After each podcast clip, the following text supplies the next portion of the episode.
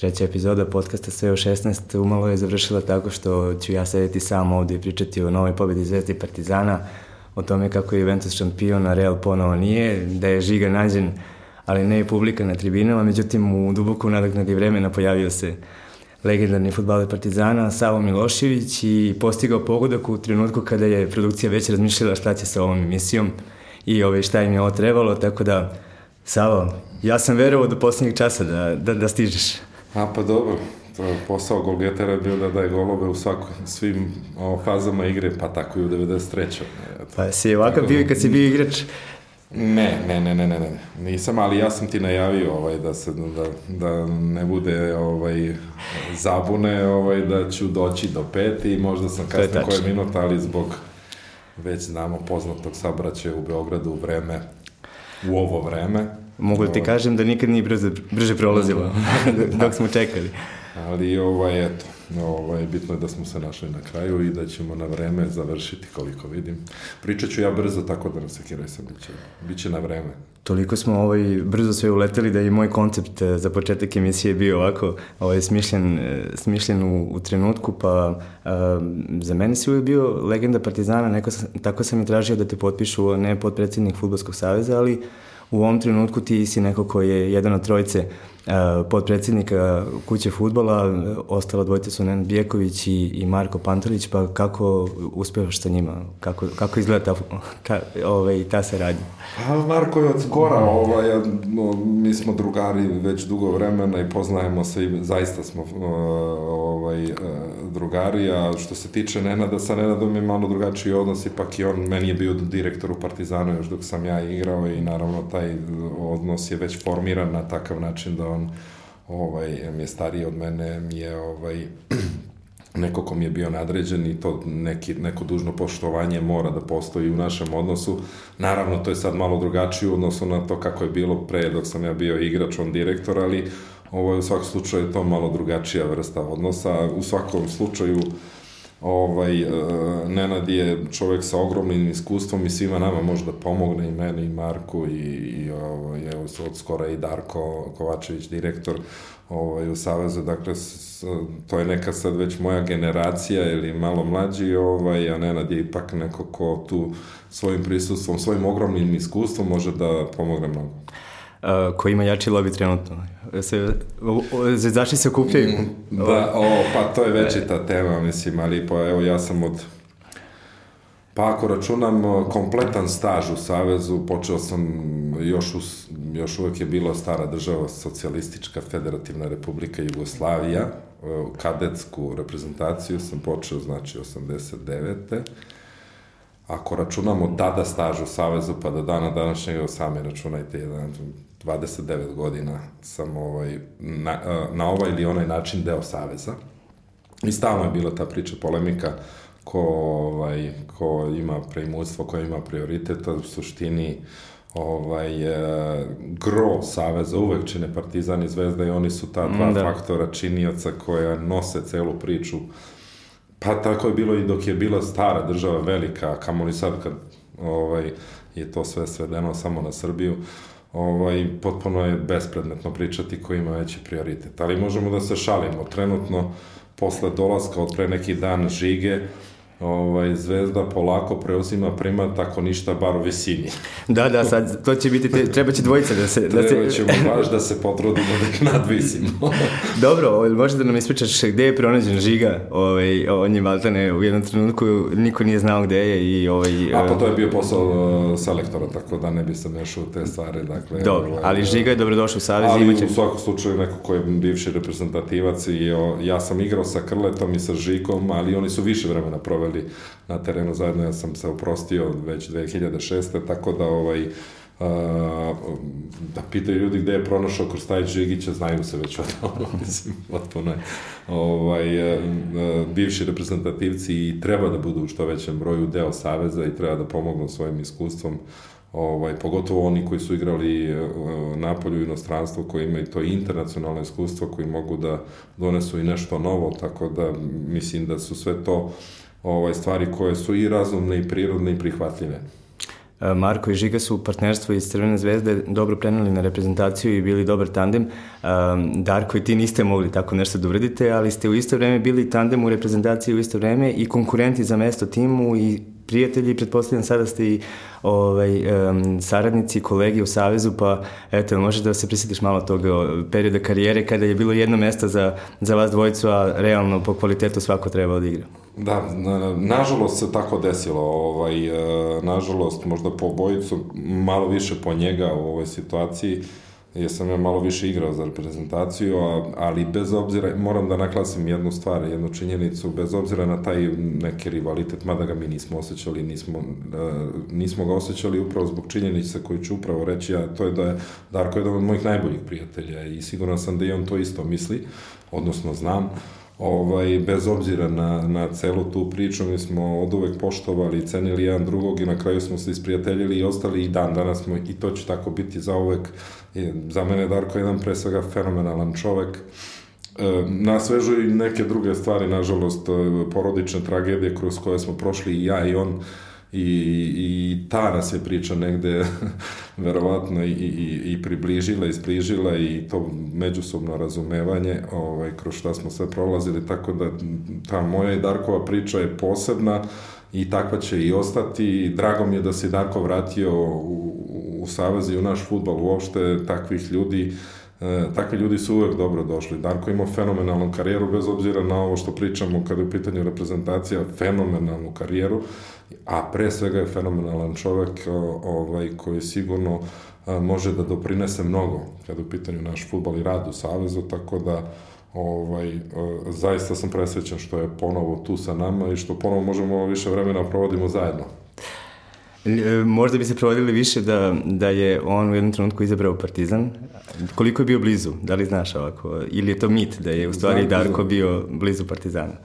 Znam iz prve, ne znam sad da li da ovaj, pričam do kraja priču, ali on je praktično slavio sa nama jednu od titula. Ima i slika, čini Da, ovaj, jer je već praktično bilo završeno, završen njegov prelazak u Partizan, ovaj, da ne pričamo sad da li je Darko bio Partizanovac ili Zvezdaš, da ga to će on da kaže, Darko, da, Darko stolica će, čeka.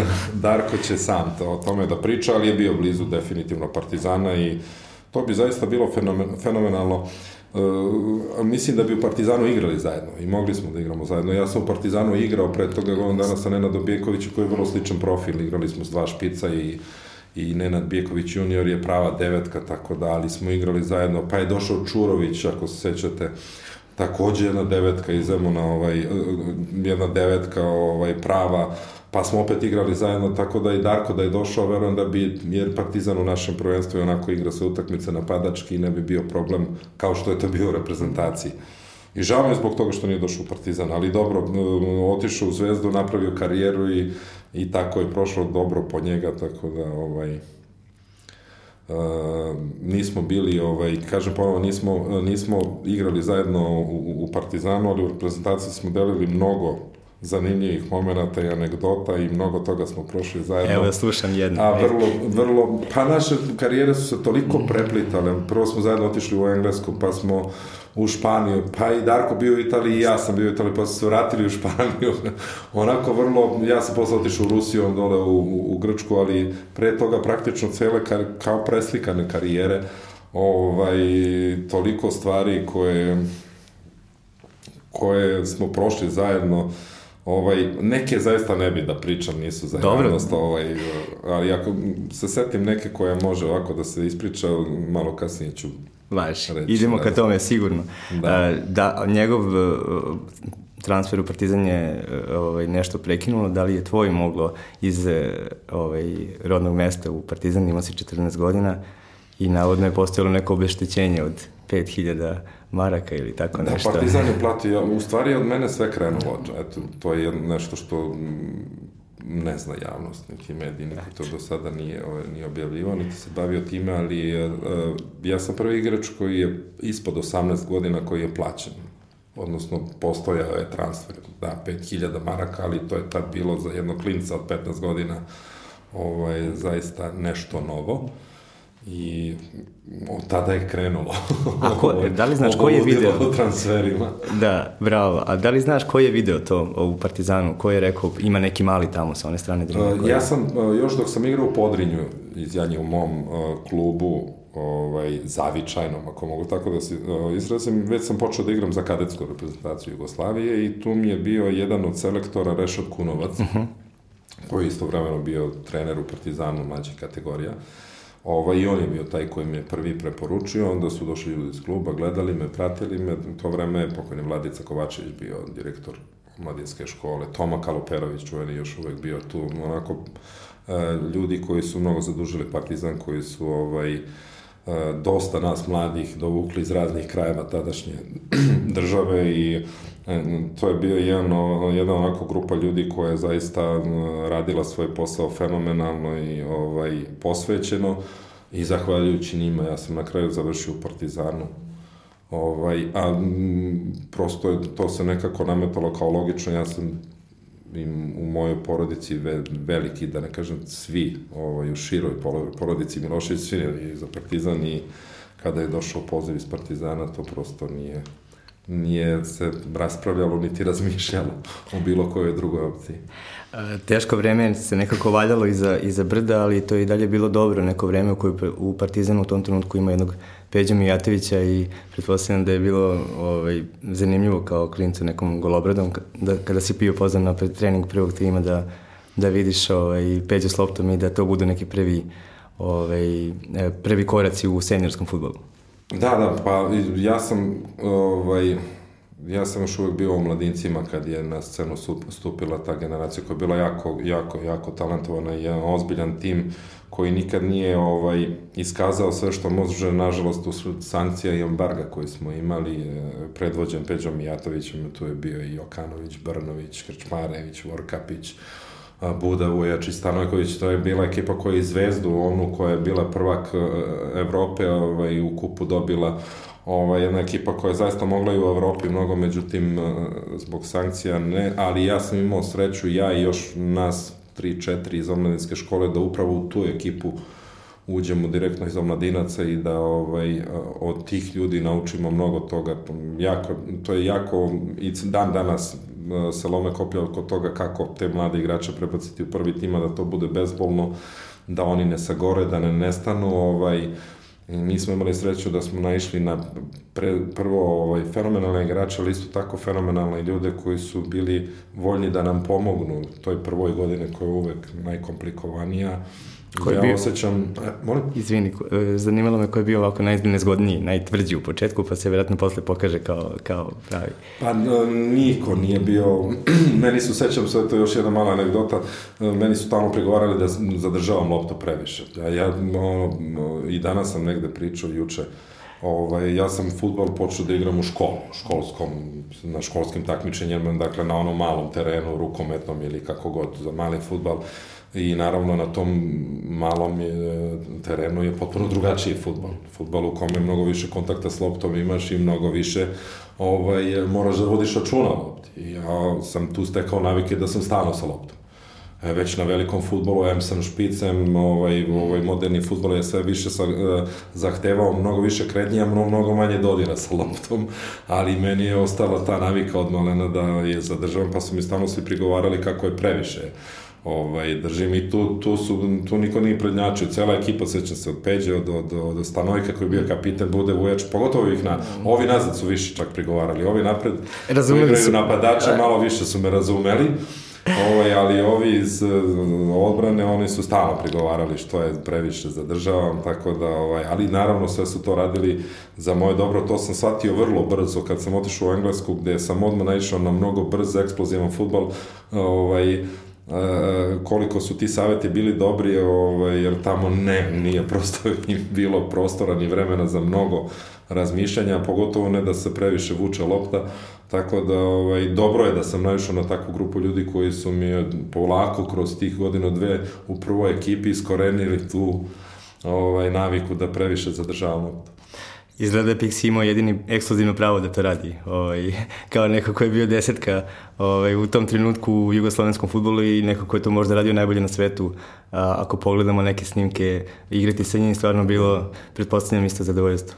A pa dobro, ako pričamo o tim najvećima, onda ovaj, uh, oni su imali obavezu da zadrže loptu. Dobro, zato dakle, sam... Njima se nije smelo ovaj, to nikako oduzimati to pravo, ovaj,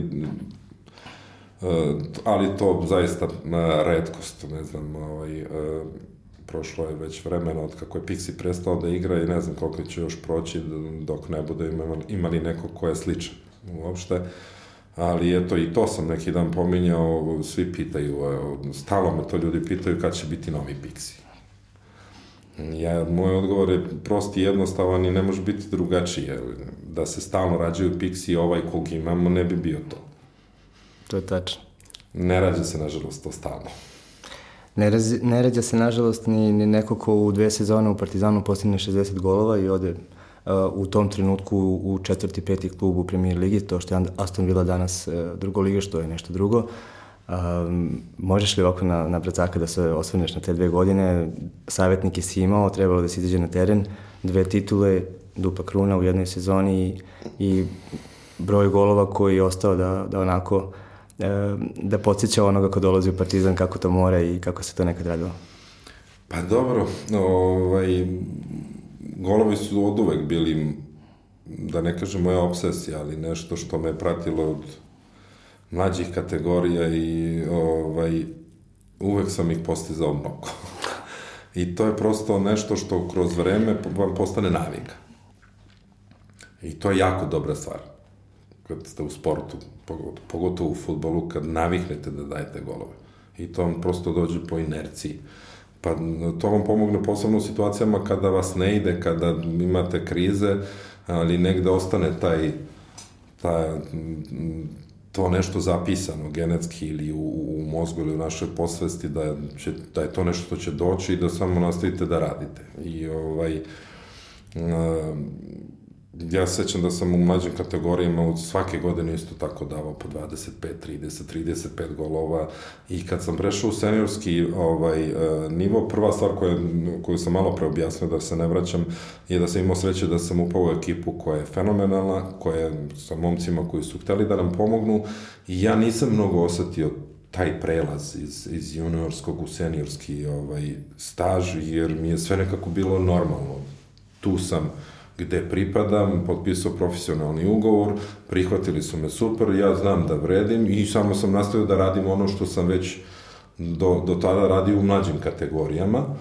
E, naravno da je pomoglo to što smo mi imali fenomenalnu, fenomenalnu ekipu, što je Partizan dominantan u odnosu na ostale ekipe, ovaj, što sam imao na svakoj utakmici poneku šansu, pa onda na, zavisi i od tvoje koncentracije i kvaliteta koliko ćeš toga da pretvoriš u gol ali mi je nekako taj prelaz bio ono što je većini igrača najveći problem, meni je to bila jedna potpuno ovaj, normalna situacija, nisam osetio nikakav stres, nikakvu veliku promenu, dramatičnu promenu koja bi mogla da, da me omete, a sve to opet zahvaljujući jednom klubu koji je bio jak, koji je radio sistemski, organizovano, već smo mi bili spremni za prvi tim, ovaj, E, to je prva stvar, pa kad smo bili spremni tamo smo dočekali kako treba, pa smo vođeni kako treba od strane trenera nas verovatno sto puta sam rekao, ali eto moram isto, i svaki put kad pričamo moram da kaže da je Tumba, Tumbaković bio čovjek koji je nas 4-5 mlađih priključio ovoj ekipi koja je već bila formirana i da je on najzaslužniji verovatno za naše karijere, jer ko zna šta bi bilo da je to sve drugo, u drugom smeru išlo. Ovaj, ali kažem i sa te strane smo imali razumevanje, dakle od strane trenera, klub, organizacije, igrači, sve to mora da se poklopi, pa da bi ja onda mogao ovo da kažem. Da. To nije moja zasluga što sam ja prve godine odmah dao, ne znam, 17-18 golova, nego zato što je cela priča oko mene bila organizovana i meni je bilo obezbeđeno, obezbeđeni uslovi da bi ja mogao da postignem te golove odmah prve godine. Pomenuo si Tumbu, to je nekako i logično. Ove, ovaj, ti si jedan od redkih igrača Partizana koji imao jednog trenera. U tom, u tom periodu se nije mnogo menjalo, nisu po znacima navoda letele trenerske glave na sve strane. ali Tumba umeo i da podvikne i da, i da kazni. Ako se dobro sećam, ja sam kao klinac e, počinjao mi dan tako što bih gledao večernje novosti i sećam se da se jednom čak bio i na tribinama pa se danima pričalo ovaj, Savo kažnjen, da li je suspendovan, da li je povređen i sve, ovaj, a u stvari verovatno neka mlada luda svi glava smo, koja, da, koja je nešto... Pa nema ni jednog igrača koji nije u jednom momentu bio kažnjen. To nisu bile kazne, to su prosto bile opomene da nas vrati na pravi put. Jer je Tumba zaista, ovaj, Tumba jeste bio o, o, oštar i strog, ali za naše dobro, ne zato što je hteo da trenira strogoću iz nekog razloga. E, e, to je sve bilo u cilju pomoći nama kada su otišli ovi ta ekipa Peđa, Jokar, Brna i Stanojko, Gudelj i ostatak, ovaj,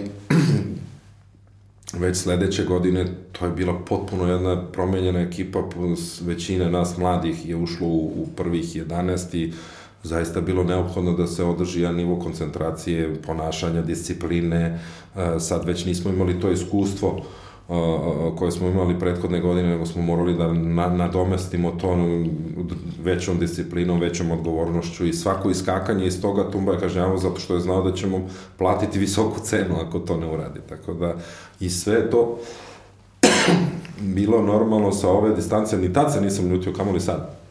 Ovaj, zahvalan sam čak šta više ovaj, na, na svakoj kazni koju sam tad dobio i na svakoj koju sam ikad dobio, jer to su bile stvari koje su mene ovaj, opominjale, da, da, da moram neke stvari da korigujem.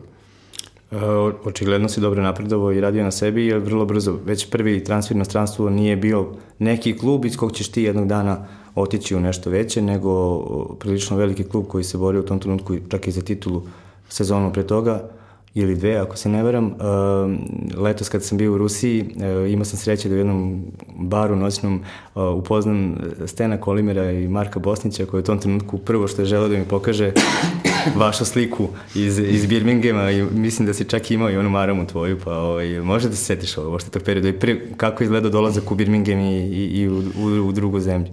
Pa to je, tada je to bilo nešto što je bilo iznenađujuće na ostrvo nije išlo mnogo igrača pre mog transfera, tek pojedinačni slučajevi su postojali. Izvinjavam se.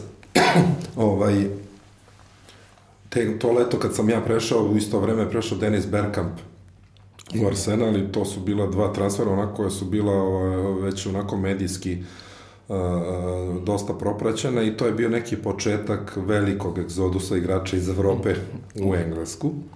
Bosmanovo ovaj, pravilo došlo sledeće godine, bilo je tako. Upravo i... tako i to Bosmanovo pravilo je pomoglo do, dosta, ovaj, I onda praktično su tada Engleska liga počela da se otvara malo više ka Evropi i o, počeli su stvari da dovode igrače iz Evrope, jer je do tada stil evropski i engleski je bio toliko različit da su igrači prosto teško se navikavali na, na, na engleski stil, isto tako englezi u Evropi. Ovaj, tako da je sve to tad krenulo od praktično tog leta 95. godine. Ovaj, a, a bilo je čudo i ovde u Srbiji, s obzirom da su naši igrači u to vreme u najvećoj meri završavali u Italiji i Španiji, ovaj, ovi koji su bili među poljima, iako to nije bila Italija, Španija, opet su to bile neke druge da. zemlje tu u Evropi, nikako Engleska i moj transfer je bio iznenađenje. Uh, ali ovaj, i to je opet, eto ispričat ću vam jednu malu anegdotu, tek kasnije sam saznao kako je otprilike cela ta priča išla. Ovaj, e, ja sam, uh, igrali smo neku utakmicu sa reprezentacijom protiv Urugvaja. Da. Ovi stranci, naši ko, stranci, pod znacima navoda, igrači Deja, Pixi, ovi koji su igrali na stranstvo nisu mogli da dođu i onda smo igrali svi mi iz praktično domaće lige Igrali smo protiv, Beograd, protiv Uruguay u Beogradu utakmicu i dobili smo je 1-0 i ja sam postigao tu gol glavom. E, igrao sam tada sa Maravom jer sam imao 12 kopči na glavi. Bio sam povređen. I ovaj, tu utakmicu gledao Terry Venables, tadašnji selektor engleske, jer su i oni igrali sa Uruguayem tri dana pre toga 0-0. I pošto je Terry Venables bio prijatelj kućni sa predsednikom, odnosno vlasnikom Aston Villa, on ga nazove posle te utakmice i kaže, znam da tražiš špica, evo našao sam ti jednog i predloži mene. Pri tome čovjek me prvi put gledao na toj utakmici protiv Uruguaja. I tako otprilike krene priča, onda su ljudi iz Aston Villa došli, predsjednik, trener, direktno u klub, bili ja, poprilično konkretni i direktni, tako se završilo. Znaš koliko si plaćen? 3,5 miliona funti, što je u tom momentu bilo nešto oko 10,5 miliona maraka, recimo, tada. Venable si imao kod me da kaže za, za tebe, a da li si ti pomogao u tom smislu u transferu Đanija Ćučića, da se pravilno izrazim, koji je došao pridružiti se vrlo brzo u Birminghamu, ali te pitao neko nešto? Apsolutno, kako... apsolutno, da. Đan, pa Đani je prvo otišao u Bolton, tamo je igrao 7-8 meseci, ovaj, Uh, par meseci pre toga već je trener moj Brian Little u Aston Villa došao do mene kao njega mora da dovedemo kako znamo i umemo i ovaj, u tom momentu je krenula cela priča i uh, na kraju i, i tako se i, i desilo ovaj, da je, da je, da je Gianni završio kod nas u Aston Villa i da, apsolutno mogu da kažem uh, bez prepotentnosti i arogantnosti da sam ja kumovao u velikoj meri tom dolasku. Da. Da li znao koga, koga želi da dovede u, u pravom smislu i šta je Đani sve i kakav je ovako bio i koliko je to slobodan duh u ono vreme, u, u onom futbolu još ovaj, malte ni ispred pa, vremena. Pa ne, ne, ne, nisam, pa nisam ni ja znao. Iako smo pre toga, no, ne pre toga, družili smo se, bili smo praktično među najboljim drugarima, ja i oni, gospodin Ćirić u Partizanu.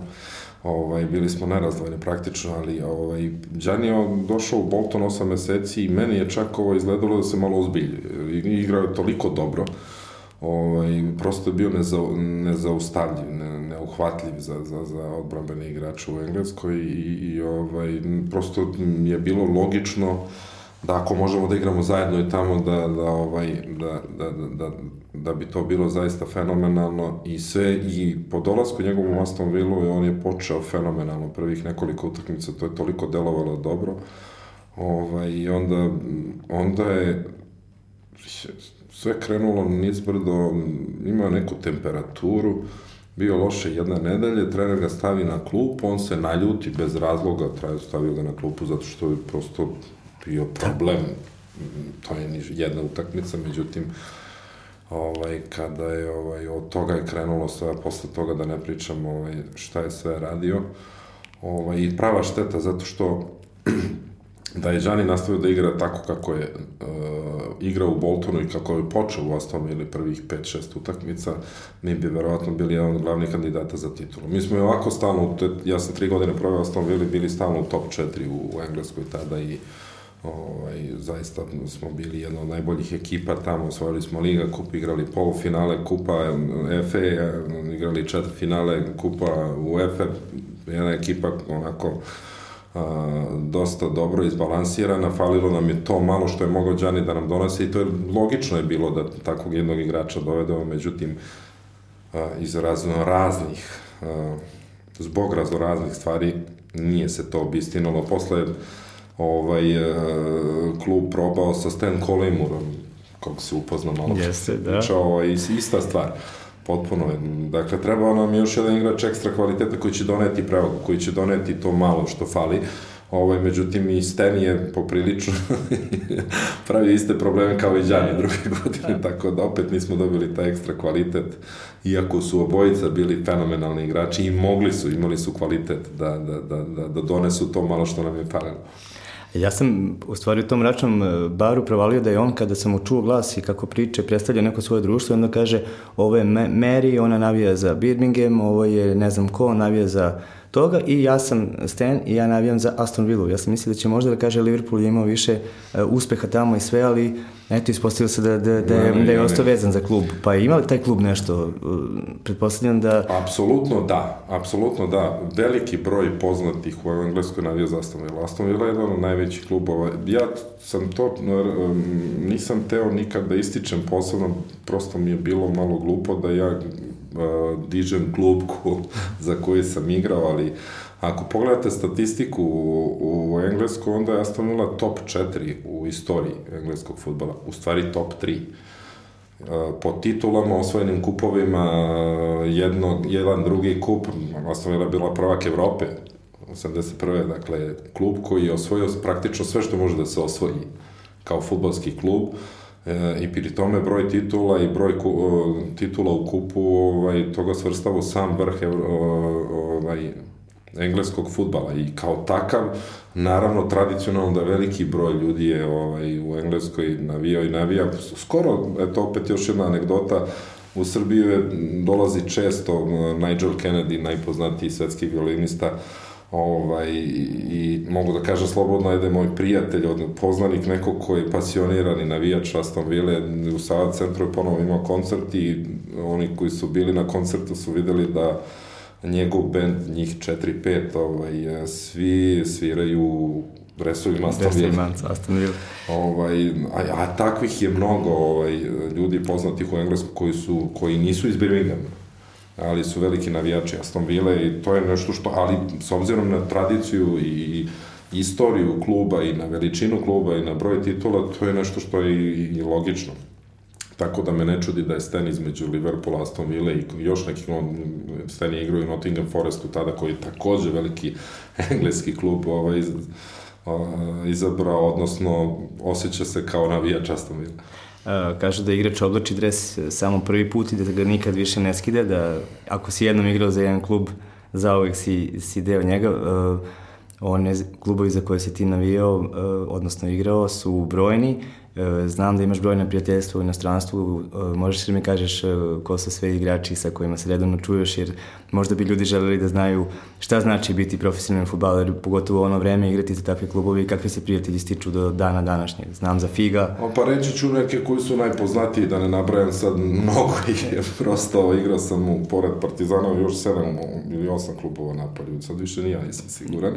Ovaj, počeo od Stana Kolimora, s njim se najčešće čujem zato što je on u medijima, pa često se čujemo oko raznih tema, ovaj, jer je on praktično se a, ovaj, e, ostao u sportu, ali samo kroz medije i često mu treba moje mišljenje vezano za a, a, za futbal, tako da najčešće se iz Engleske čujem s njim, sad čujem se često sa Dwightom Yorkom, koji je takođe uh mhm. -huh. naš saigrač iz, iz, iz Aston Ville, Ovaj, I on je bio pre par godina u Beogradu, ovaj, pa smo se i družili onako uživo i ovaj, neko ko je zaista fenomenalan.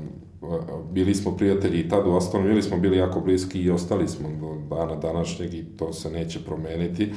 Ovaj, e, često se čujem sa Fabijom Kanavarom, koji je sigurno poznati našoj javnosti, ovaj, trenutno trener u Kini i, i, i spa, još dok smo igrali u Parmi, onako smo se sprijateljili i bili smo najbliži cele toj ekipi i ostali smo do dana današnjeg redovno se čujemo.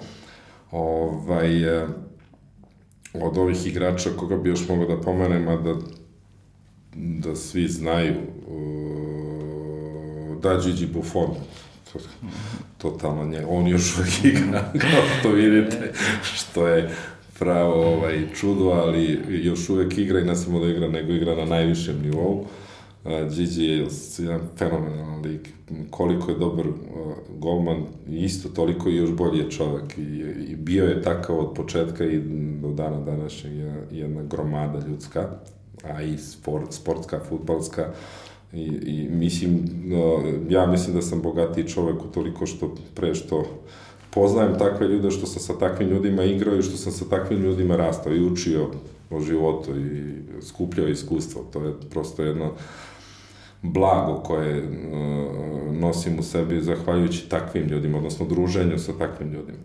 Mnogi ćemo verovatno uh, igrom slučaja automatski pomenuti kad dođemo po klubovima gde si se išao, tebe put u jednom trenutku odveo u Španiju, Đani je produžio za, za London u, na svom autobusu na dva sprata ovaj, da, da, da nastavi da, da uživa u futbolu na samo sebi svojstven način. Ajde, pre nego što pređemo na primeru, reci mi, jesi bio na neki, nekoj od tih e, Đanijevih žurki u kojima se priča da su bile neponovljive i najbolje i, i da je ceo London pričao o tome kako, kako se on zabavlja? Bio sam par puta, da. Pa mislim, uh, Đani često priča stvari koje je onako malo iskarikirano i, i često malo i preteruje o nekim stvarima, često ne priča o fenomenalnim stvarima koje je on zaista radio. Ovaj, ja sam mu to čak i neki dan rekao, ovaj, on voli da onako dodaje, nakiti to, pa to izađe, a nema potrebe, dovoljno da ispriča neke stvari. Da, sa Đanijem postoji milion anegdota, to je prosto nemoguće sažeti, da samo pričamo o njemu, sad imao bi dovoljno materijala za emisiju od dva mm. sata. Je, ali odvešće nas to na, na, na, na drugu stranu. Da, bio sam prisutan, ovaj, ajde te žurke u Londonu koje su bile, ali ja i Đani i sad smo prijatelji i prijatelji smo od Partizana još od ovaj, i mnogo vremena, mnogo dana i noći smo proveli zajedno i sad da vam pričam šta je sve u stanju taj čovjek bio da uradi, to je prosto ne, nepojmljivo i neshvatljivo. ovaj, ali u svakom slučaju toga i čini jedinstvenim i posebnim, posebnom pojavom u našem, pa i evropskom i svetskom futbalu.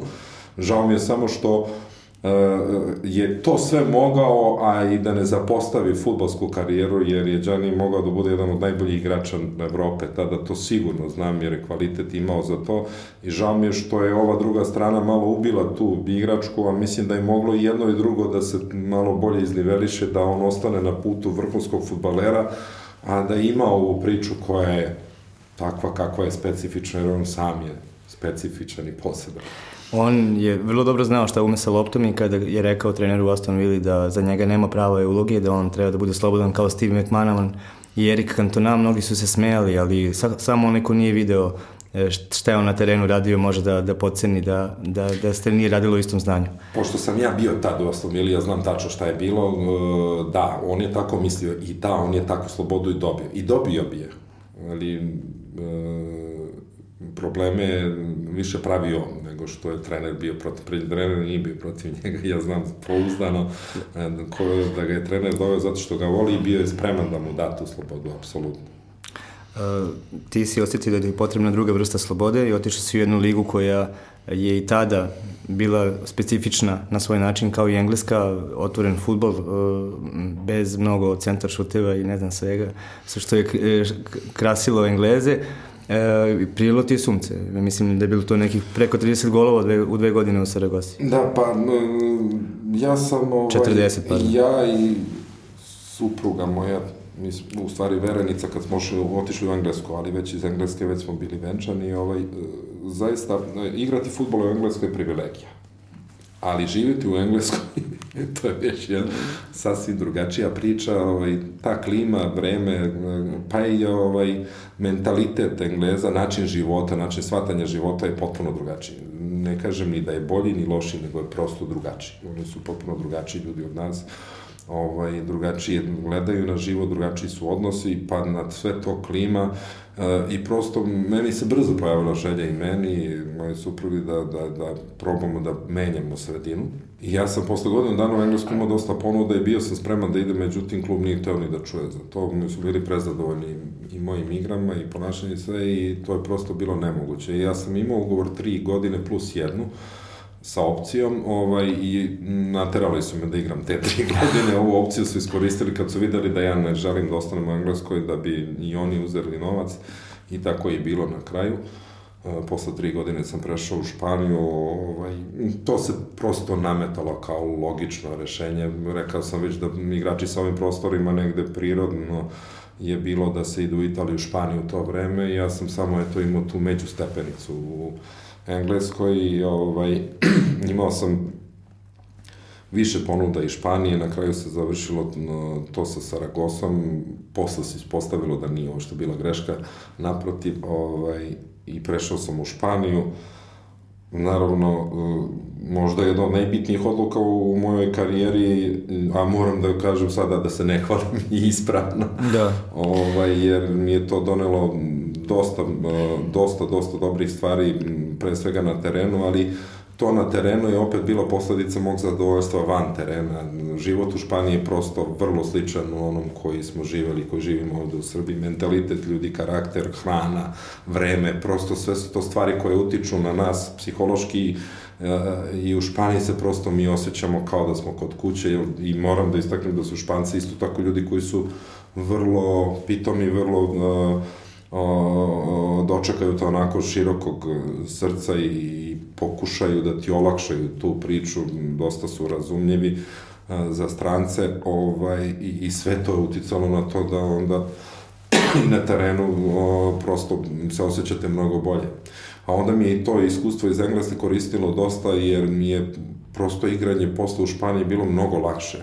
Sam prešao iz pete brzine u četvrtu, a navikao sam se da igram u petoj. I onda mi je ovo u Španiji bilo brzina manje, onda sam imao vremena mnogo, malo više da razmišljam, a zadržao sam tu koncentraciju i onda mi je u Engleskoj sam igrao fenomenalno, ali sam manje dao golova. A u Španiji nisi bilo potrebe mnogo da igram, ovaj, da učestvujem u igri, a mnogo više sam imao šansi i mnogo više golova postizao. U stvari je to posledica mog rada tri godine u Engleskoj i tog načina igre koji mi je mnogo pomogao da kasnije mnogo lakše igram u Španiji. Uh, I onda nekako došla Italija kao o, liga u kojoj si u tom trenutku i dalje igrao najbolji futbol u Evropi, e, najveće zvezde, i, ali bitno drugačiji futbol u odnosu na Španiju, gde je nekih 30 golova nečih u primeri moglo da se meri sa 15 golova u, u seriji A i, i Parma koja i dan danas klinci mnogo se promenila, ne mogu li ne zamisle vjerojatno kad gledaju Parmu šta je, šta je bio klub u koji si prešao 2000. godine, tako. Da, pa i to je bio jedan veliki sticaj okolnosti. Ja sam praktično imao dogovoreno sve pre, prvo sa Barcelonom. Pa je u Barceloni klub, e, predsednik Nunjez morao da da stavku. Pa sam posle toga m, mm, praktično imao dogovor sa Real Madridom, ali i tu predsednik Sans na izborima izgubio od i sadašnjeg, sad još uvek predsednika Real Madrida, Florentina Pereza, ovaj, i e, prosto jer ono, ja sam želeo da ostanem u Španiji i nametalo se kao nešto što je logično posle svih tih silnih golova u Saragosi i tog evropskog prvenstva u, u Belgiji i Holandiji gde sam bio najbolji strelac, ovaj, mogao sam zaista da biram i moj izbor je bio da probam da ostanem u Španiji, odgovarao mi je i futbal i život i sve. Ovaj, međutim, te dve priče su se izjalovile i onda je tek postalo ovaj, postalo jasno da moram negde još da tražim ovaj, solucije i zaista sam, da se ne hvalim sad, ja vrlo, to sam izbegavao da pričam ili, ovaj, i da, ali sam imao ponude i zvali su mi iz praktično svih najvećih evropskih klubova u tom momentu, posle tog evropskog prvenstva. Ovaj, e, međutim, Parma je bila e, i najkonkretnija i prosto je najviše ponudila Saragosi, jer se tu pitala i Saragosi, ja sam imao još dve godine ugovora uh mhm. -huh. sa, sa, sa Saragosom i, i ovaj, cifra, novac koji je, koji je tada Parma platila, prosto bilo zapanjujuće i novac koji sam ja dobio za ugovor. Tako Hajde, da je... možeš da kažeš i uh, slušalcima, odnosno gledalcima da gledaju, da znaju red veličine o, kojim, o kom novcu se radi. 55 miliona maraka otprilike je bio ceo transfer, samo klub klubu plus moj ugovor. To je sad, neki ljudi sad kažu da, da je to bukvalno vrednost današnjih 55 miliona eura, ali ja prosto sad to nemoguće, ovaj, to bi sad, to sad ispada nekih 27-8 miliona eura, ali ali ovaj, suštinski je bilo mnogo više ovaj, u tom momentu tada. O, ogroman transfer, jedan, ali u tom periodu uh, je bilo baš, o, to je bila godina ili par godina kad su onako baš ovaj, se dešavali basnoslovni transferi. Da, Vieri iz Lacija u Inter. E, to, da, bilo je transferi od 80-90 miliona, 70, tako, ovaj, baš je, ovaj, Italija je tada bila onako, to je bilo ne, neverovatno koliko je cifre su, ovaj... Stiglo ih je kasnije. Da. Sve zajedno. Da. Ovaj, uglavnom, eto, to su bili razlog zašto sam prešao u Parmu. A i, i još jedan razlog, naravno, sve to bi bilo džaba za m, ekipa koju je imala Parma u tom momentu. Ja sam pomenuo malo pre ovaj, o, Buffona i Canavara, ali u toj ekipi je bio i Turan, čuveni francuski kapiten, pa Bogosjan takođe, pa Diego Fuzer, Dino Baggio, Lamuši Miku, francuski reprezentativci takođe, Mar Amoroso, brazilski reprezentativac, M. Patrick Mboma, najbolji igrač Afrike dve godine zaredom. Uh, Conce Sao, Portugalac, takođe za reprezentativac Portugala, Al Almeida, Argentinac, mislim, to je prosto, mi smo imali 25 igrača, ili 33 igrača imala Parma na ovaj, to je bilo stravično. Mislim da smo u tom momentu bili naj, najskuplja ekipa na, na, na svetu. Kada sam ja došao, nekih 250 miliona maraka ovaj, samo na pojačanje. Na moj transfer Marcio Amoroso, junior iz Brazila, da levi bek reprezentativac, Konso Isao, Almeida, svi smo došli u, bukvalno u mesec i po dana. I to su sve transferi bili 35, 40 miliona, 50 miliona. To je bilo nevjerovatno. Tako da tim koji je pravljen je bio projektovan da on osvoji sve. Međutim, kasnije ovaj, padom Parmalata firme, glavnog sponzora kluba, je sve to krenulo u suprotnom smeru. Na neki čudan način, ako iz svake možda nepovoljne situacije u životu pokušaš da izvučeš e, najbolje, E, Parma te je vraćala u, u Španiju tri puta, u tri različite kluba, e, upoznao si tri različite grada, tri različite grupe navijača, odnosno jedna je već bila, Saragossa je bila od ranije, ali e, upoznao si i Radomir Antića u Selti. I da. nije, nije ti bio selektor, ali ste bili e, igrač i trener, e, pa eto, možeš da se pristiš malo tog perioda kada si i dalje tražio sebe pred kraj e, te tri pozemice. Da, pa, um, nisam ja tražio sebe, uh, nego je prosto takva nama, ja sam imao ugovor na pet godina, ugovor koji je vrlo malo ekipa u svetu moglo da plaća.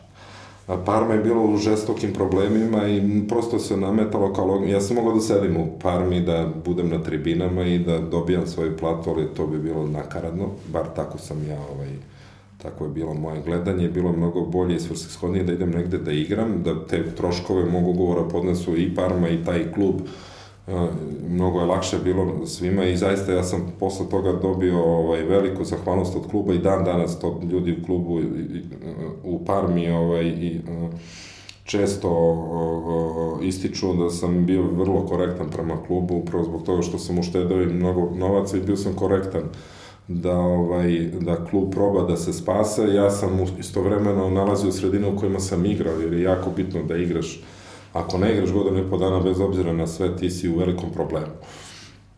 I ovaj, jeste to teško bilo, ja sam već imao ovaj, e, e, dvoje dece i seliti se konstantno svake godine, ovaj, prebacivati stvari jeste bilo komplikovano za moju suprugu i za decu, ali je prosto tako zahtevao posao, ali ja sam se sačuvao kao futbaler, konstantno sam igrao, što je najbitnije za, ne, za jednog futbalera, najbitnije da si konstantno u, u formi i stav, konstantno u ritmu, jer bez toga ne možeš da a, budeš na vrhunskom nivou, ne možeš da igraš u tim ligama. I jeste to bio težak period, ali istovremeno uspeo sam da, da, da, da preživim to sve, ovaj, zato sam i sa 30 godina dobio ugovor sa Osasunom, koji Osasuna nikad nikome nije pomislila da da, ali eto, dali su upravo zbog tih stvari, jer da nisam igrao dve godine pre toga, verovatno ne bi, neverovatno sigurno.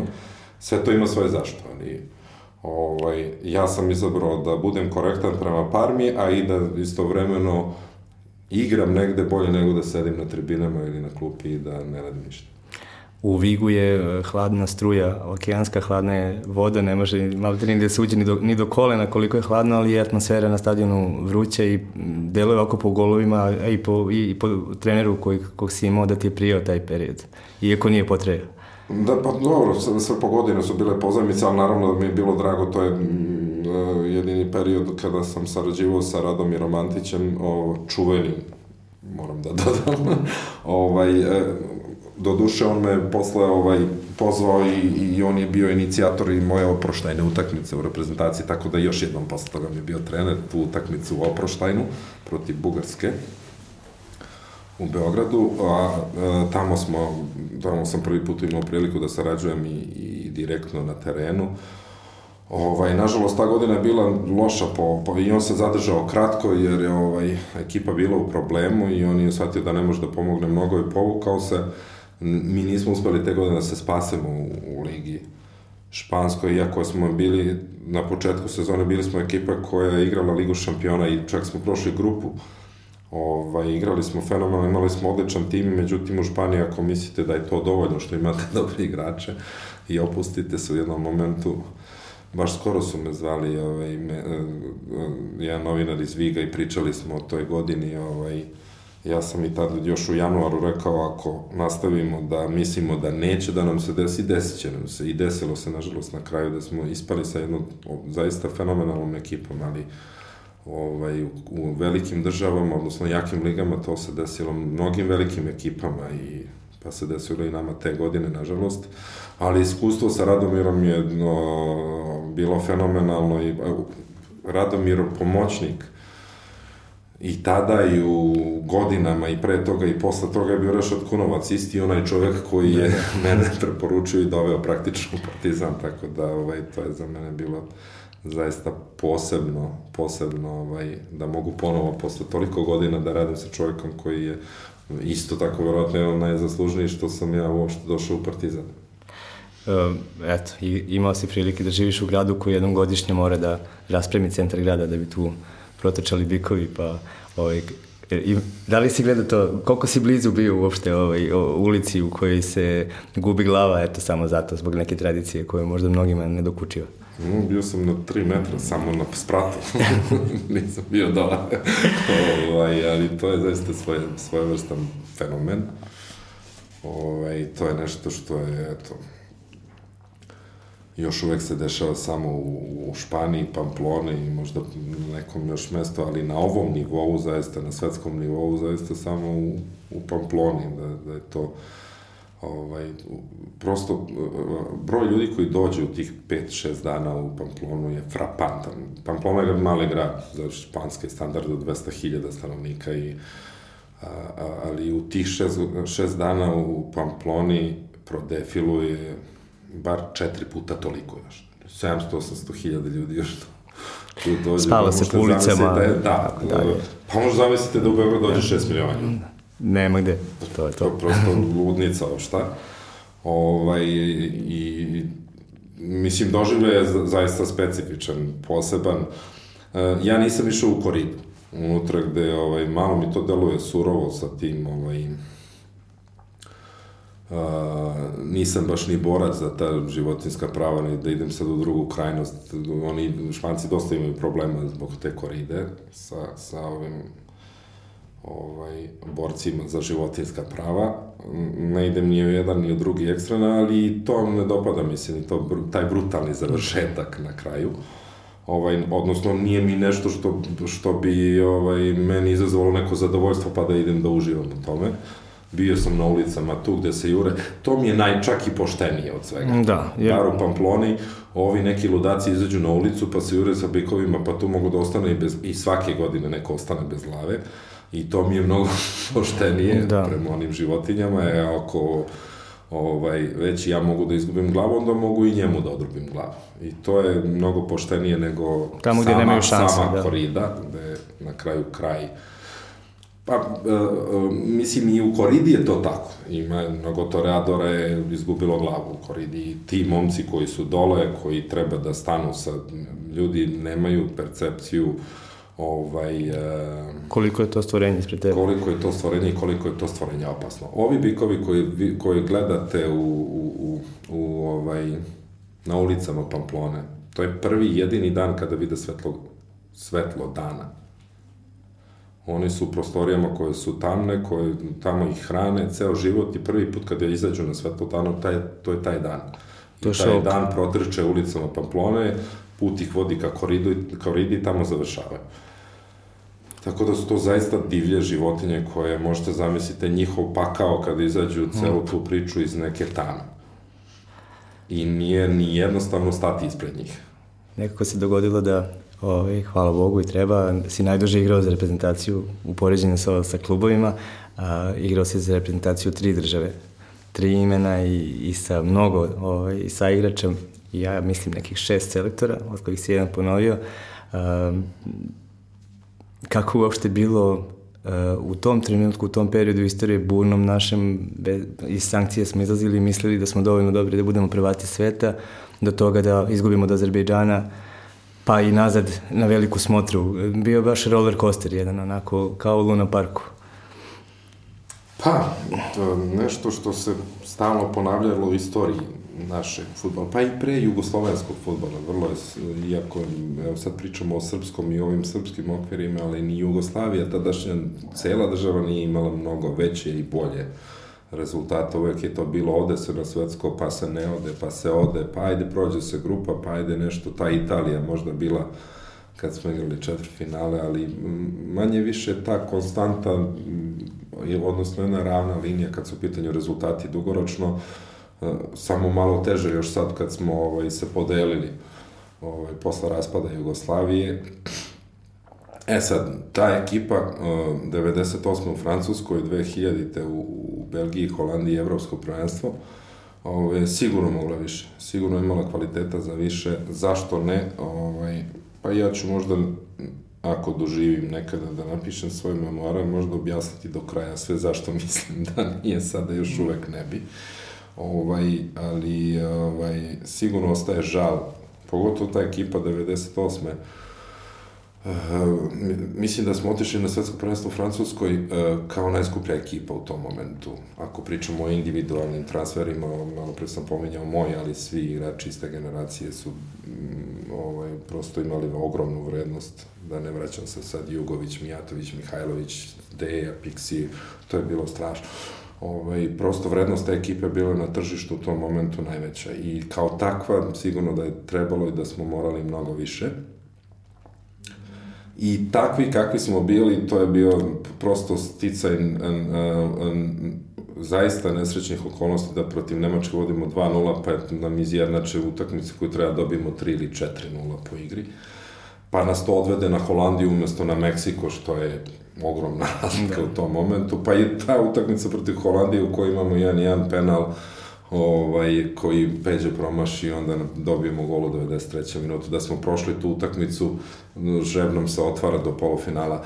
Sve su to nekakve sitnice i detalji koji, ali opet, ovaj, te sitnice i detalje morate da zaslužite i morate da ih zaslužite mnogo pre nego što dođete na svetsko prvenstvo. Mora postoji sistem uh, ovaj, jedan dugoročni sistemski rad koji će ovaj, da vam bezbedi da kad se dese te stvari da ti detalji prevaznu u vašu korist, a ne protiv vas. Mi smo, nažalost, uvek kontra radili i onda nam se uvek te sitnice i detalji koje smo propuštali obijali u glavu na velikim takmičenjima i razlika u rezultatu je uvek bila ogromna. Tako da, ovaj, da, ostaje žal veliki što ta ekipa ovaj, nije ostvarila bolji rezultat jer je objektivno, zaista objektivno imala mnogo veći potencijal od onog što smo uradili. Kakvi su učitelji bili Santoć i, i, i Boško? Nije bilo lako? Mislim. Nije, ne, kako daleko od toga da je lako u Srbiji biti selektor, to je Ja ne znam, evo, ispričat ću se poslednju anegdotu, ona najbolje ilustruje sve.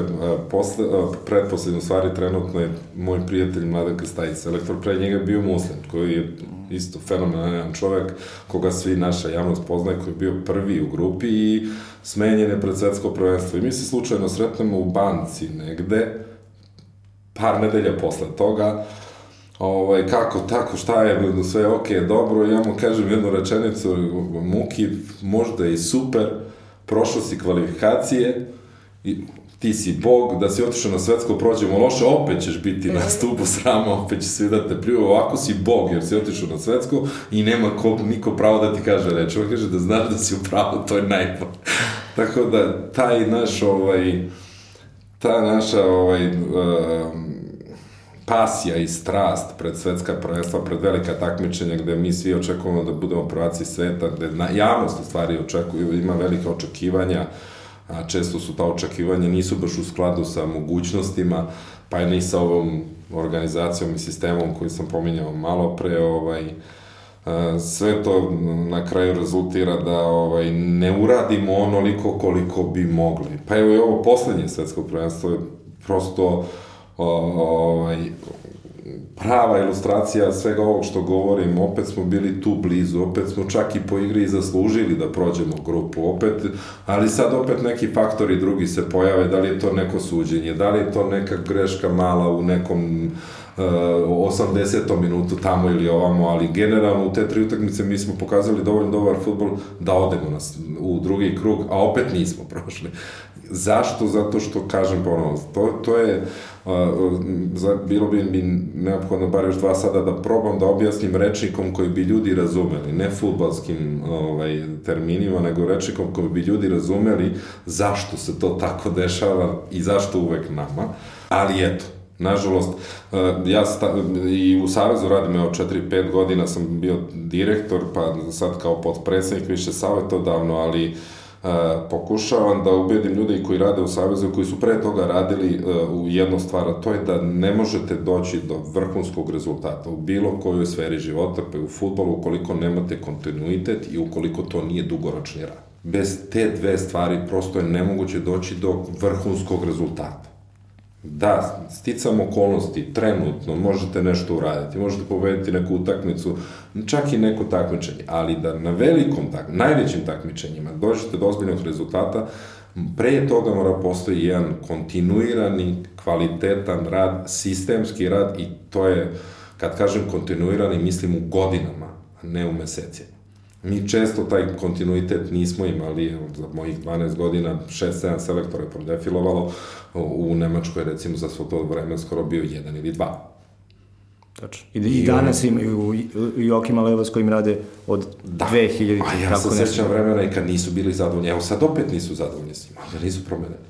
A na pre 10 godina isto tako nisu bili zadovoljni s njim, ali su ga istrpeli i on je postao prvak sveta jer je postojao ciklus zacrtan, nešto je započeto i to se radi i ne menja se pri prvom padu. Mi smo često ovde skloni da pri prvom porazu ili padu ili ne naiđemo na zid, mi odustanemo. Ili promenimo selektor ili promenimo ovo, stalno bi nešto da menjamo, stalno postoji ta tenzija i e, zahtevi prohtevi medija ili javnosti da se nešto stalno menja kad ne valja morate imati nekakvu viziju, pa tu držati se ti vizije tog plana i kad najđete na teškoće, jer i te teškoće vas čine kasnije velikim. Ako ih prođete, tek onda ćete postati veliki. Mi često se vraćamo na nulu. I konstantno vraćanje na nulu e, prosto stalno kaskate malo za tim najboljim ekipama, jer futbol ide napred svake godine. I ja ne volim to da pričam zato što zvuči kao opravdanje, ali je to realna stvar. Futbal je najglobalnija stvar na svetu od svih drugih sportova. Često to pitaju, pa kako mogu drugi sportovi? Pa da, ali futbolu imate 80 nacija koji igraju vrhunski futbol, pa imate još 70 koji igraju dobar. Da. A u košarci je ipak to mnogo manje, u rukometu je ipak to mnogo manje. Prosto je manja konkurencija samim tim i o, mnogo veća šansa da uradite nešto. U futbolu prosto nema laki. Ovih 32 koji su prošli, o, da ne pričamo o njima, samo da pogledamo narednih 20 koji nisu otišli na svetsko prvenstvo. Da vidite koje su to ekipe. Mi uvijek među najboljima. Ovaj, I ovaj, treba to sve proći, ali, ali ne, ne, ne pričamo ovo kao opravdanje, nego prosto kao još jedan segment, o, odnosno činjenicu o, o, koji moramo da sagledamo i upravo zbog te činjenice moramo da imamo kontinuitet, moramo da budemo mnogo bolji, mnogo e, sistematični, mnogo veći kontinuirani rad, mnogo veći profesionalci, upravo zbog toga, da bi došli u situaciju da napravimo i u futbolu velike rezultate. E, potvrda onoga što si rekao da smo prečesto menjali je to i da ti je živa bio selektor, Petko prvo četiri utakmice, pa Bata Đora tri, za tu treću nisi bio ni pozvan protiv Rusije. E, menjalo se svašta u srpskom futbolu, ali imali smo i selektora koji je na 0-1 premenio oba igrača, špica i uveo dvojicu vezista. E, eto, ajde, možete nam ispričati prvo zašto nisi bio pozvan ovaj, na utakmicu sa Rusijom, a i uopšte kako je izgledalo biti igrač u vreme kada, kada su se selektori malte ne smenjivali, odeš, odeš u junu sa jedne, jednih priprema, dođeš u septembru, sad čekate neko novo. To zaista ne bih komentarisao, to mislim prosto i kao igrač tada nisam komentarisao, ne bi ni sad odluke ljudi koji su donosili koji, ljudi koji su donosili odluke su donosili tada, zašto su i donosili, ja i ne znam. Tada za, za, za tu utakmicu sa Rusijom Petko je bio selektor i nije me pozvao, on mi je tako pozvao mu telefonom par dana pre toga i rekao, pa samo planiram neke druge igrače da probam, trenutno nisi u prvom planu. Ja sam rekao, okej, okay i nema, ni, ne vidim ništa sporno. To je maksimalno korektno i Petko je tu bio korektan i prema meni, iako sam ja u tom momentu bio kao kapitan, ali nema veze. Ja i sto puta sam to rekao i ponavljam, u reprezentaciji treba da igraju najbolji i nema e, nedodirljivih, niti treba da ih bude. On je u tom momentu želeo da proba nešto drugo, nije prošlo, vratio se ponovo na e, staru priču, odnosno ponovo je posle toga me zvao i sve u najboljem redu nikakav uh, nikakvih tu nije bilo problema, niti ja Petku zamerim to što je uradio, apsolutno, to je njegovo pravo kao selektor. I mi smo dan danas fenomenalni, ja ga izuzetno poštujem kao oca, zaista, Petko je pre svega i fenomenalan čovek i, i, i bio je fenomenalan i trener je ogromno iskustvo imao, imao je apsolutno pravo da to nešto, tako nešto proba. Ovaj, meni više smeta, evo i danas ima takvi slučajeva da čim ovaj, ne dobiju poziv igrači da odmah imaju nekakve ovaj, pridike ili da imaju nekakve zamerke. Niko se od nas ne buni kad pozove na selektor, ali bi svi da se bunimo kad nas ne pozove. Pa čekajte, možda i jedno i drugo. Ako smo zahvalni selektoru kad nas je zvao, ne možemo odmah da mu zamerimo ako nas ne zove. E, onda to malo licemerno. To je tačno. Ko je bio bolji motivator, e, Živa ili Petko? Pošto obojicu bije glas da su umeli ovako da kažu pravu stvar. Različito, mnogo dobro pitanje. mnogo dobro pitanje, ali ovaj, mislim da je tu, neće se Petko ljutiti, mislim da je tu živa neprevaziđen. E, pitanje je koliko su te motivacije dopirale do igrača i na koji način, koji kvalitet tog, tog ovaj, je tih motivacija bio, ovaj, ali E, do kojih granica je živa bio u stanju da ide, to je, to je prosto nemoguće ovaj, e, e, nemoguće ni prepričati, niti objasniti, a, objasniti je da to ljudi zaista razumeju. Evo, ja mogu da probam da objasnim jednu anegdotu, ovaj, verovatno će ljudi skapirati. Ovaj, sa živom smo igrali prijateljsku utakmicu u Brazilu Ovaj, ja mislim da je pitanje bio Porto Alegre, ali nemojte me držati za reč. Uglavnom, Sa Argentinom i Brazilom su bile dve, tako? Ne, ne, to je bila turneja odmah posle sankcija Aha. ili tako nešto, ili za vreme sankcija, ali posle toga ovaj, o, je Živa bio selektor, igrali smo, igrao sam ja tri utakmice sa Brazilom prijateljske, ali ta druga je bila ovaj, sa Živom. Elem, da skratim priču, u slačionici ovaj, sedimo pred izlazak na, na, na, na, na teren i ovaj, igrali smo protiv generacije one u kojoj je Rivaldo bio glavni igrač i bukvalno par meseci pre toga proglašen za najbolji igrača sveta, u Barceloni briljirao, sve se vrtalo oko Rivalda, uglavnom e, živa, uzlazi u stačionicu, priča, tako ovo, ovo, ovo, i dolazi do Jokana, Jokanovića, i kaže mu, slušaj, Jokane, imaš ovog Rivalda danas, brži si, jači si, bolji si igrač od njega, hoću da ga nema, Jokan ga pogleda onako, ovaj, potpuno izgubljeno, ceo red iza žive pada sa stolica od smeha, jer mislim, priča o čoveku koji je mesec zapred toga prolazi najbolji, ali to je živa.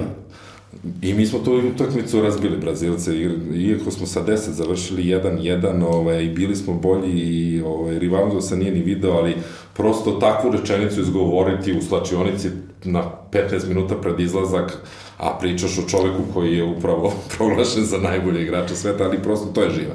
Nije priznavao nikoga za svoju ekipu, Uh, to je u, u velikoj meri i deluje na igrača, odnosno deluje pozitivno da je ti dati neku ovaj, dodatnu snagu ili neku dodatnu veru u tom momentu. Često je to možda i preterivao, ali prosto je to on, to on je bio takav. I Petko sa druge strane umeo isto tako, pa i Sani. Sani na početku isto ovaj, E, ta čuvana utakmica protiv Mađarske koju smo dobili 0-7 u, u, u Mađarskoj Sanijev sastanak pre toga kad je završio sastanak mi smo mislili da izlazimo da igramo sa najboljom ekipom na svetu koja je ikada igrala od konjice njihove i, o, i, i puškaše. On ispričao tako ovaj, pojedinačno svakog igrača njihovog, ne samo da je ispričao njihove kvalitete, šta su ima, nego svakog njihovog igrača uporedio sa nekim igračem iz Srbije koga mi znamo, da bi mi tačno vizualizovali tog igrača, kakav je njegov profil, šta je to što su njegove vrline, na koji način to radi, mi smo tačno u glavu imali sliku i kad smo izašli na teren, to je prosto bilo uh, mi izlazimo da igramo protiv ekipe koja je jedna od najboljih na svetu.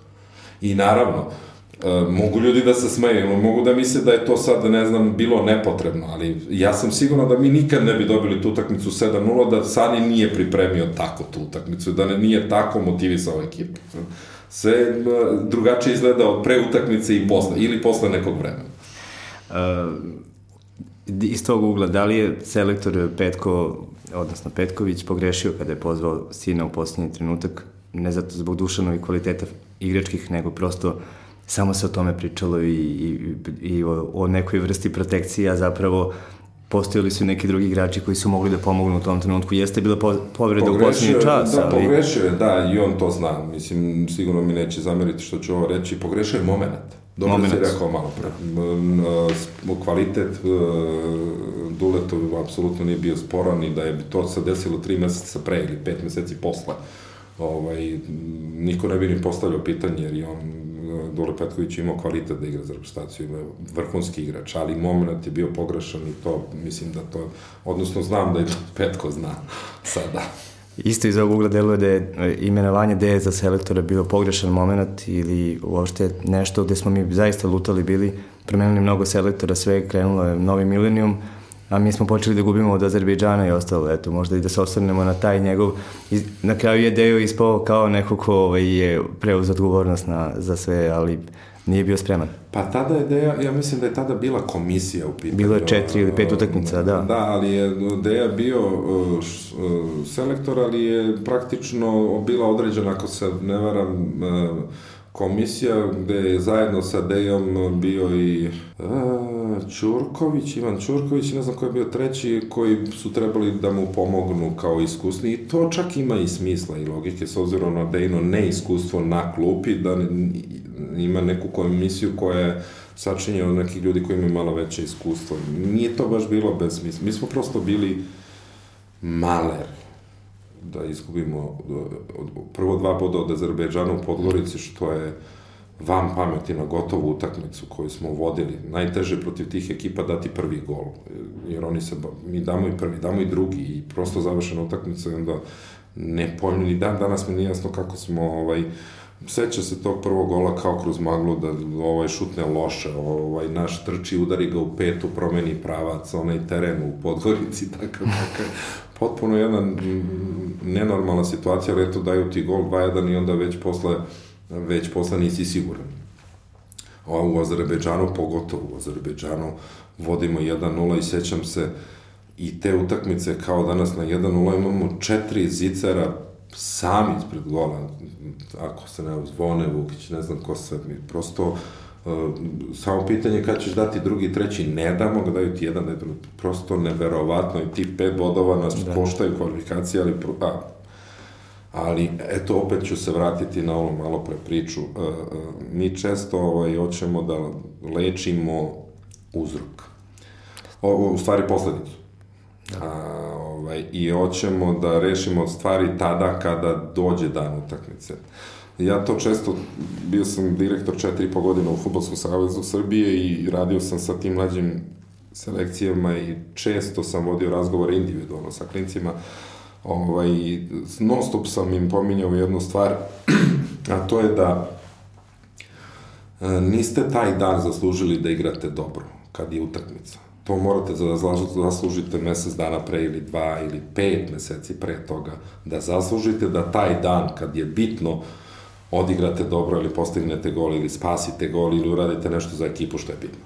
Tada, taj dan ako odlučite da hoćete, tad se neće desiti morate to pre da zaslužite. Zato stalno ponavljam taj kontinuitet i sistem i nešto što treba da traje, da se priprema dugo da biste u određenom momentu nešto uradili. To je sve je posledica i mi stalno pokušavamo rećemo posledicu i da je lečimo. Ne možemo, možemo da je zalečimo, ali da izlečimo ne možemo. Moramo uzrok da nađemo. Uzrok, u uzrocima stalno pričamo, ima ih mnogo, to je nekad i naj, najteže prepoznati one koji, ovo, od kojih sve počinje. E, ja i danas, danas ne znam kako jedna ekipa može da prođe kvalifikacije sa dva primjena gola i da onda primi ja ne znam koliko ukupno na, na završnom turniru mi baš ne znamo da igramo te mundijale i to, to se videlo u Nemačkoj 2006. Delovalo je kao da smo konačno našli svakom igraču ulogu, ovaj, nismo davali mnogo golova. I, A to, ne, to, ima, to nemojte tražiti teorije zavere, nije ih bilo. Uh, uh, kada je u pitanju odbrana i kada je u pitanju igra ekipe i broj golova. U kvalifikacijama tim jedan gol smo primili. Jedan, da, da, ja sam rekao dva. I igrao je, igrali su Nemanja Vidić i uh, Krstajić levo, uh, Gavrančić. Gavrančić desnog beka i Levo Dragutinović. Četiri momka od 1,93, svi znali da igraju, svi visoki, svi jaki, niko spor.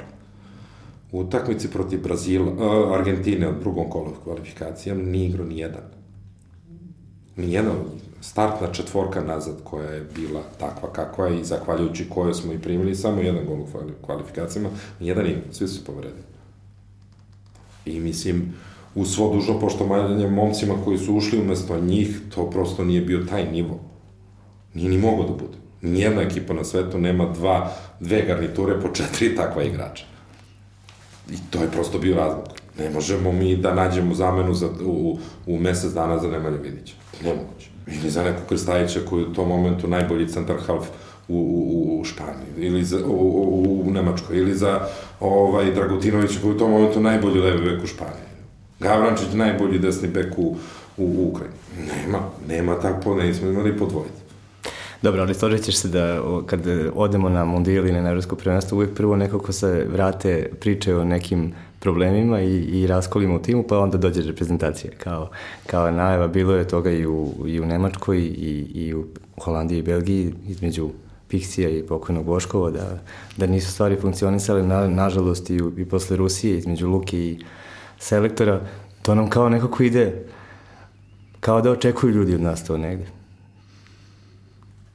Pa da, ne, ne vraćam se sad ovaj, na, na ovaj, uh, uh, prosto individualno kad gledamo, uvek ćete naći takve stvari. Ja sam bio prisutan na poslednjem svetskom prvenstvu na pripremama i sve to proteklo u perfektnom redu.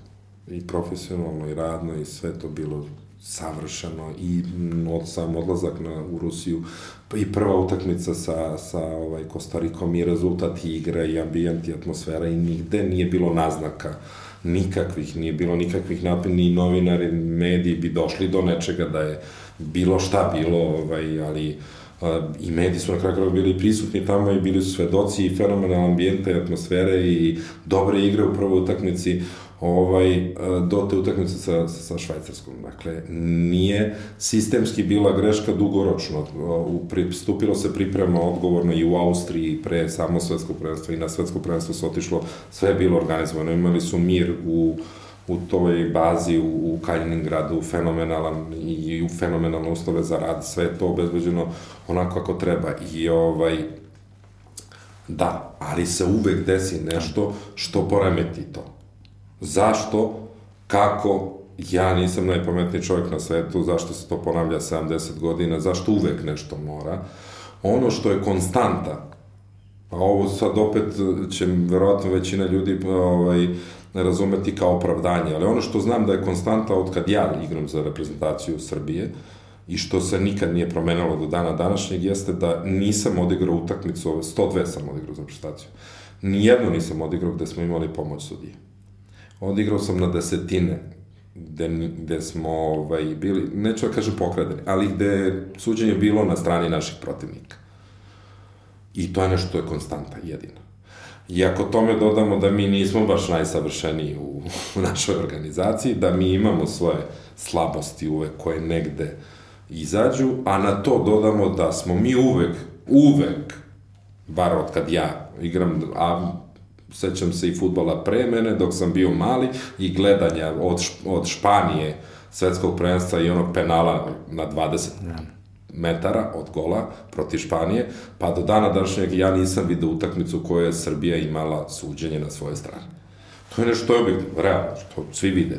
Ali e, sa jedne strane ljudi to kritikuju, pljuju te sudije ili pljuju UEFA-u, pljuju, e, kritikuju FIFA-u, ali niko nam to ne uzima za opravdanje. Da. To nije opravdanje zašto smo mi sad izgubili od Švajcarske. A svi su videli da je suđenje bilo ne samo taj penal, nego je suđenje bilo tendenciozno u toj utakmici na, za, za Švajcarce. Da, da, Ti žuti kartoni, faulovi su bili tendenciozno. Sve je bilo tendenciozno. Ovaj, ali niko ne uzima to kao opravdanje, mi smo izgubili utakmicu. A da je suđenje bilo pošteno, mi bi dobili. Da ne zalazimo u sve ove naše slabosti ili u zašto, kako ili da li smo bili spremni, nismo, da li je taktika bila dobra, nije, da li su igrači igrali maksimum ili nisu. Ne, mi bi tu utakmicu dobili da je bilo pošteno suđenje, ali nije bilo pošteno. Nadam se da ćemo se jednog dana vratiti, da, da, da ćemo pričati o, o tome kako smo, ne na nečiju, uz nečiju pomoć, ali prosto da je Busen bio na drugoj strani ili da, da se lopta nije odbila od nečije pete pored gola, nego u gol kao Sve je u životu stvar navike, odnosno veliki deo. Ja sam rekao malo pre kako sam još u mlađim kategorijama stekao naviku da dajem golove.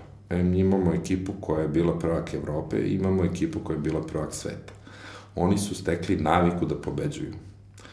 Ako nam se posreći s tom generacijom da imamo ozbiljne selektore ili ljude koji će da ih vode na narednih 10 godina kako treba, e onda možda dođemo u situaciju da ovaj, oni tu naviku pretoče i u seniorski nivo. Da li možda se prisjetiš možda ovaj, Da li možda se prisjetiš e, početaka koliko je bilo teško zaustaviti zvezdu u onom trenutku sa, sa dve titule u nizu, e, po, možda još teže biti, te, bilo pobeđivati u derbijima, e, uspevali ste i to, pa evo da se prisjetiš derbija, bilo pre 20 godina, kako izgleda tebi? Jo, ja sam totalno to sve pozaboravio. Ja sam par derbija imam u glavi, igrao sam 15-ak sigurno, ovaj, ali Sećam se to kad smo dobili 3-1 u kupu, ovaj, čuveni gol Peđe Vasiljevića u 93. minutu po da, nekoj kiši. To je bio revanš posle, uh, trebalo je Partizanu dva, pobjeda da, od da, dva. Da, izgubili smo tamo ovaj, 1-0 i onda, onda nam je trebalo dva gola razlike. Ovaj, sećam se derbija koji smo izgubili ili je bilo 3-3, onaj fenomenalni gol Krupnikovića, ja da. mislim, verovatno najlepši gol koji je ikad postignut na derbijima. 2-2. Makazica, ne, ili tako da. Ovaj, sećam se tog gola i tako nekih, ovaj, često i sad kad gledam video neki sa nekim svojim golovima, pola sam, ne, za, sam potpuno izbrisao iz memorije, nisam još uvek to složio u glavi, a i nemam još uvek naviku da sednem, ali da to treba čovek da uđe u neke godine pa da se i gleda to sve. Ovaj, začudim se da li moguće da sam ja ovo na, na, u nekoj utakmici da sam ja dao ovaj gol, čak sam i golova zaboravio neke koje je potpuno izbrisane. Ovaj. Osim što mogu da kažem da je um, derbi jeste institucija, nešto što je, predstavlja specifičnu težinu, nešto što je ovaj zaštitni znak srpskog futbala ono što mi se ne dopada da u poslednje vreme često to išlo u nekim drugim, nekom drugom smeru i da su ovaj, protagonisti na derbijama bili neki drugi ljudi, a ne sami igrači na terenu, to je e, žalosno i tužno i to je nešto što ukoliko želimo da sačuvamo instituciju derbija morat ćemo da promenimo. Tvoj prijatelj Bati Mirković će uskoro spremati taktiku za svoj derbi. U, u, na adresi Ljutice Bogdana da te pita ako bi te pozvao koji bi bio savjet koji bi mu dao Pa nema potrebe da dajem Batici savete. On je fenomenalno odradio prvi derbi i ne bi imao šta drugo da mu dodam. Da proba da ponovi ovaj, sve ono što je uradio kao pripremu utakmice za prvi derbi, ovaj, gde je rezultat bio 1-1 pre 3-4 meseca, ovaj, gde je Partizan apsolutno ne bio ravnopravan, nego bio i mnogo bolji na terenu, iako objektivno Zvezda ima jači tim individualno i po kvalitetu, ali u toj utakmici se to nije videlo, naprotiv, Partizan je bio taj koji je diktirao i ritam i više pretio i više imao loptu u nogama i bio opasniji, tako da nemam neki poseban savjet osim da proba da ponovi to sve iz prve utakmice. Ko je bio najbolji igrač Zvezde protiv kog si igrao? Protiv kog sam protiv igrao? Protiv kog si igrao, da, u, tu, u tih 15 derbija. Pa ajde recimo, ovaj, ja sam čak bio na klupi i debitovao sam za ovu ekipu stariju kad su još uvek bili Pixi i Alio, ne mogu da kažem da sam bio na terenu, bio sam na klupi, a od ovih sa, protiv koji sam igrao, uh, pa Rambo Petković. Klinci ne googlaju malo. I Savo Miloševića i Rambo Petkovića. Ovo da. je bio mnogo, mnogo, mnogo. Bilo je fenomena igrača u Zvezdi i malo drugačijih profila. Deki Stanković je možda imao najveću karijeru od tada u Zvezdi, ono da mu se poklonimo svi, ali uh, Ako pričamo o individualnom kvalitetu, vrhunskom individualnom kvalitetu, ovaj, uh, Rambo Petković prava šteta što nije to sve ovaj, pretočio u igre kada je u pitanju reprezentacije Srbije i bilo je takvih igrača koji su imali stravičan kvalitet, ali ipak u reprezentacije nisu uspeli da to sve pokažu i na reprezentativnom planu. Ovaj, ima takvi igrači u Zvezdi u Partizanu, Rambo je jedan od njih, ali na terenu tada kada je ovaj, u tim derbijima on je bio najopasniji. Prosto je a, sa takvim igračima nikad niste na sigurno i načisto i ne znate šta će u narednom momentu da uradi, a takvi su najopasniji. Postoji, postoji verovatno samo jedno teže pitanje, a to je ko je bio najbolji igrač Partizana sa kojim si igrao zajedno derbi. A pa tu, ovaj, tu ima dvojica, svaki na svoj način. Jedan je Peđa Mijatović i da ne obrazlažem zašto, drugi je Dragan Ćirić, ovaj, koji, eto, isto ovaj, priča kao i za Ramba, koji je, ovaj, verovatno, jedan od najvećih potencijala u istoriji ove zemlje, a ovaj, to je pokazao u Srbiji dok je bio, ali ovaj, i delom u Barceloni prve godine, nažalost, posle to nije išlo u pravom smeru, ali prava je šteta što ni Rampa i Čira nisu pokazali deo onoga što su mogli, jer oni su bili jedini po meni naslednici Pixija, Deje, Mijeta, odnosno imali su približno taj kvalitet i tu inteligenciju futbolsku. Ti ćeš potvrditi to da su na treninge išli gradskim prevozom, svaku u svoj klub, da u tom trenutku nije bilo mnogo ovaj, uh, love kad si mali, kad si upisuješ ugovor, čekaš uh, da ti se trener obrati, da te stavi konačno ekipu, pa gde klinci greše danas, evo za kraj, šta bi mogo da im poručiš kao neko koji živeo i svoje uspehe i svoje greške i na kraju on ostvario neku karijeru koja je zaista impresivna. Šta, šta da ne urade? Klinci ne greše nigde danas, greše roditelji zato što se mešaju previše. Kada bi pustili klince da sami vode svoju karijeru, oni bi mnogo bolje to radili nego što im se mešaju roditelji. Eto, to je najveći savjet i najbolji koji mogu da dam. Ovaj, uh, roditelji danas sebi mnogo prava, za sam, zato što su roditelji, misle da im pripadaju sva prava kada je u pitanju futbalski razvoj, znači, i ovaj, to potpuno pogrešno, jer ti roditelji nemaju pojma o futbolu. Ja im to kažem u lice, to mogu da kažem javno, i ovaj uh, i bio sam svedok ovaj mnogo problema koji su proisticali iz toga da roditelji se preterano mešaju u, u karijere i u, uopšte u posao ovaj, futbalski i to je nešto što je nakaradno. Dakle, i čak imam dosta primjera u kojima su klinci savršeno vaspitani i dobri, a da imamo problem sa roditeljima. Ovaj, tako da, odgovor na tvoje pitanje, konkretno, klinci će se ponašati onako kako treba da se ponašaju, jer oni u futbolu dobiju još jedan autoritet, kao što ga dobiju u školom, kao što ga imaju kući od roditelja. Ovaj, ali, ovaj, samo da se roditelji sklone i priče da rade svoj posao, da puste one koji znaju da rade, da rade svoje. Klinci, čuli ste, pustite ovo mami i tati, a mi se vidimo već u, se, za sedam dana u sledećoj epizodi.